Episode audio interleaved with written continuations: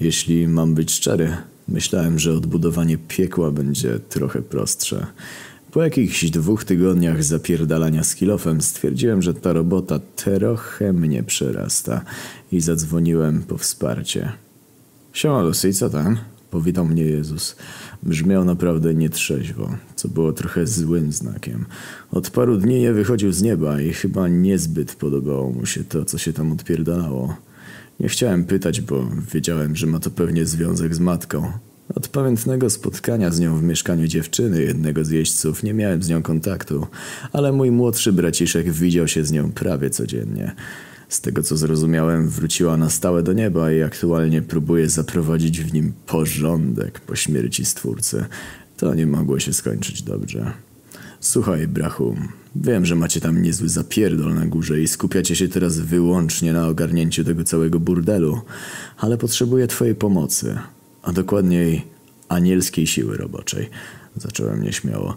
Sam nie daję sobie rady przy odbudowie piekła i wiesz... Jezus zaśmiał się sztucznie. Naprawdę myślisz, że anioły pomogą ci odbudować swoją konkurencję? No to liczę. Nie masz szans. Widzisz, wiele się pozmieniało. Tu na górze nic już nie jest takie samo. Powinieneś zostać raperem, stwierdziłem. Ojciec zawsze mi to powtarzał, westchnął. Chcesz posłuchać mojego najnowszego coveru Cichej Nocy? Nie. Chcę, żebyś powiedział mi wreszcie, co się tam kurwa dzieje. Zirytowałem się i pierdolnąłem z całej siły kilofem o ścianę. Czy niebu przypadkiem nie zależało zawsze na sprawiedliwości, czynieniu dobra i tego typu gównach?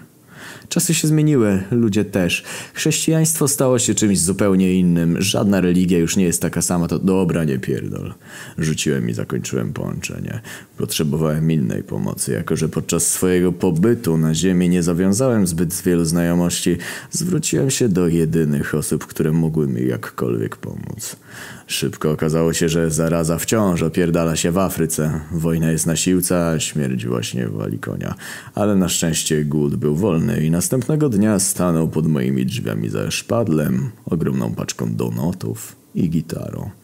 Przyszedłem tu, żeby palić nocne sztuki, napierdalać kamienie szpadlem. I właśnie skończyły mi się kam... Kurwa, zybałem. Nie jestem pewien, czy poradzimy sobie z tym we dwóch. Spojrzałem na jego chude ciałko z powątpiewaniem. Doceniam chęć pomocy, ale może lepiej poczekam, aż wojna wróci z siłki. Nie wróci stamtąd przez najbliższe dwa tygodnie. Podczas naszego pobytu w Afryce minęło go 97 treningów. Byliście tam przecież jakiś miesiąc. I co z tego? spytał zdezorientowany. Nieważne. Odparłem i pokazałem mu, gdzie kopać. Po jakimś kwadransie intensywnego przerzucania gruzu do moich uszu dobiegły dźwięki gitary. Jak się okazało, najnudniejszy jeździec wyciągnął już swoją zabawkę z futerału i najwyraźniej przygotowywał się do gry. Kurwa, ledwo co zaczęliśmy pracować. Zirytowałem się. Czekaj, zagram coś na poprawę humoru. Zignorował mnie i zaczął grać. Jak tylko dotknął strun, do naszych uszu dobiegł odległy odgłos niepokojącej eksplozji. Co to było? spytał głód, wsadzając sobie do mordy garść donatów z truskawkową polewą. Nie mam pojęcia, ale obawiam się, że ktoś się tu zbliża, powiedziałem zdezorientowany i ruszyłem do swojego schowka. Po chwili ściskałem już w rękach świetlistą latarenkę na długim metalowym kiju. Czy to jest twoja broń? Roześmiał się jeździec i jedną ręką ściągnął z pleców bicz. Kolejna eksplozja obsypała nas pyłem i małymi kamieniami. Z sufitu odpadła jedna ogromna skała i upadła jakieś dwa metry od nas. Dopiero wtedy zobaczyliśmy naszych nieproszonych gości. Kurwa, to się robi nudne. Stwierdził głód i zaczął grać na gitarze wolną ręką, a drugą zamachnął się biczem. Chyba nie muszę mówić, że obie rzeczy szły mu chujowo. On kiedyś stanął nad brzegiem. Co on kurwa robi? spytał Thor, który pierwszy się do nas zbliżył. Śpiewa barkę, odpowiedziałem przewracając rzeczami. On już tak ma. Wszyscy jeźdźcy są pod jakimś względem spierdoleni, stwierdził Odyn stając obok. Szukał ludzi gotowych pójść za nim. Gdyby właśnie nie wpadł w tras, zapewne powiedział ci, żebyś spierdalał. Odparłem. Więc powiem to za niego. Czego tu szukacie? Wciąż próbujemy dorwać Fenrira, ale wyjątkowo nie odwiedzamy was w tej sprawie. Mnie odwiedzacie po raz pierwszy. Odyn powiedział zmieszany nordycki bóg, podając mi rękę. Lucyfer. Było bić serca słów bożych prawdą. Thor. Lucyfer. Uśmiechnąłem się grzecznie. No i kurwa prawidłowo. Poznaliśmy się, więc możecie już wypierdalać. Możemy ci pomóc, Lucyferze, chrząknął Odyn. Możemy pomóc ci stworzyć nowe, lepsze piekło. W zamian za...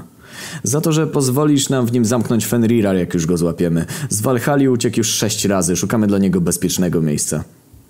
A może po prostu pozwolicie mu żyć na wolności? Jeźdźcy dobrze się nim opiekują. O!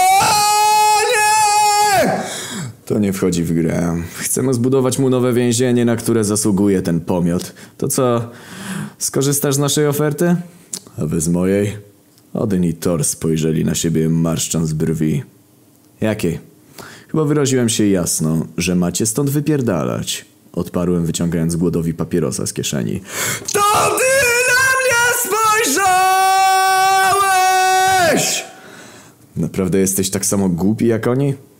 Jestem tak samo głupi jak ja sam. Głód zamachnął się biczem i jakimś cudem owinął go wokół ręki Tora. Zaskoczony Bóg piorunów upuścił swój młot i zatoczył się do przodu. Zanim jego towarzysz zdążył zareagować, sięgnąłem błyskawicznie po swą latarnię i z całej siły pierdolnąłem go nią w ryj. Twoje usta! Nie wiem jakim cudem głód wciąż był w stanie spokojnie grać na gitarze, ale o dziwo nie przeszkadzało mu to w dalszej walce.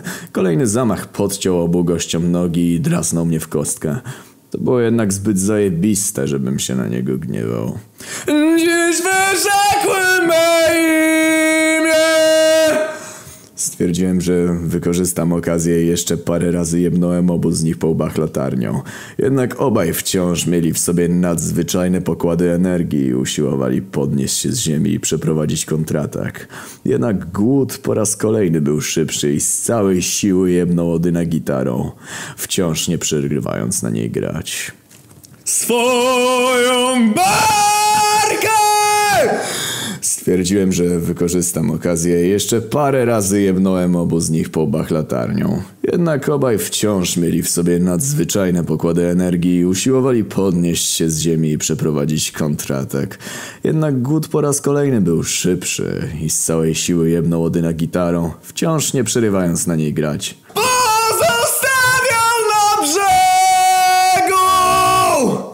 Żal mi było odbijać tych biedaków, ale nic innego nam nie pozostało. Zamachnąłem się po raz ostatni, ale mój atak został przerwany przez kolejną, opóźnioną eksplozję.